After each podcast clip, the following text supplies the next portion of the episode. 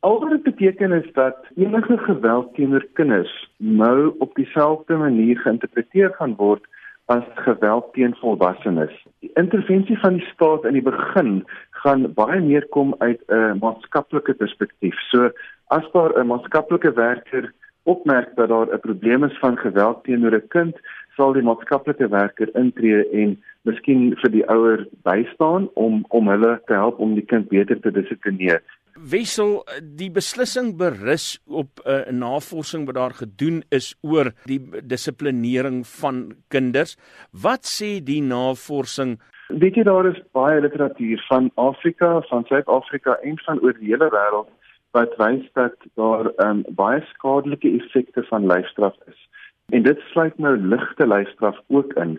Van die skadelike effekte is natuurlik op 'n verswakte verhouding tussen ouer en kind, swakker opvoedkundige mylpale van die kind en dan ek weet nogal uh, ontstellend um, onlangs al meer bewyse vir die feit dat kinders wat gereeld lyfstraf ervaar het, doen swakker op IQ toetse as kinders wat nie lyfstraf ervaar het nie. Om vir 'n kind te aandag of meer energie te gee aan wat hulle reg doen, is baie meer effektief as om aandag te gee aan wat hulle verkeerd doen.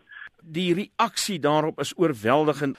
As daar soveel mense is wat meen dat lyfstraf behou moet word, hoekom moet dit weggevat word? In die lande wat lyfstraf al afgeskaf is, is dit baie duidelik dat beleid die norm stel wat dan gedrag bepaal.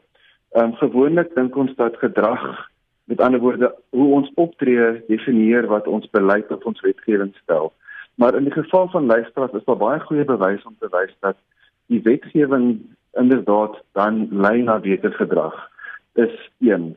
Die tweede punt is dat demokrasie nie afhanklik is van 'n meerderheidsopinie alleen nie, maar 'n meerderheidsopinie en wat reg is of wat die wat ons land as reg ag en dit is gevestig in ons grondwet. So op die oomblik en soos die hof bevind het word die, die verdediging van redelike tugting as ongrondwetlik geag.